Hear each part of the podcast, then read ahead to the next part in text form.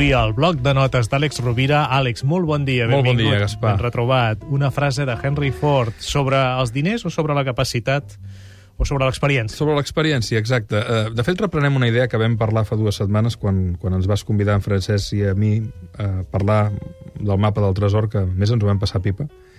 Um, hi ha una de les frases d'un dels, d'un dels personatges que analitzem, que és Ford, que diu el següent. Si els diners són la teva esperança per obtenir la independència, mai no en tindràs. L'única cosa de veritat que un home tindrà en aquest món és un pou de coneixement, experiència i capacitat. Ford, que en el seu moment era un visionari, que més, com dèiem l'altre dia, no va ser una persona polèmica perquè en plena crisi augmentava el sou als seus empleats i, i contra els criteris de la premsa, fins i tot, o del seu Consell d'Administració, un revolucionari, eh, què ens ve a dir?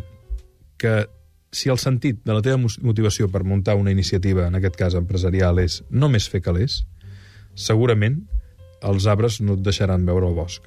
Si, en canvi, tornem al factor infinit que dèiem fa dues setmanes, tu treballes per la voluntat de lliurar-te, de lliurar la teva experiència, el teu coneixement, és a dir, si tu parteixes de la premissa de que allò que dones de tu pot esdevenir la riquesa dels altres, tornaran tu aquesta riquesa.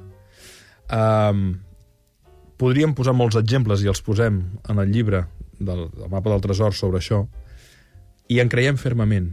És a dir, si l'objectiu primal és només fer calés, moltes persones s'estavellen. Si l'objectiu principal és servir, ser útil, lliurar-se, amb la millor de les voluntats, amb la millor de les excel·lències, aprendre dels errors, per vius, això no, no et lliura del patiment, no, no et lliura d'equivocar-te, però entres en un cercle virtuós.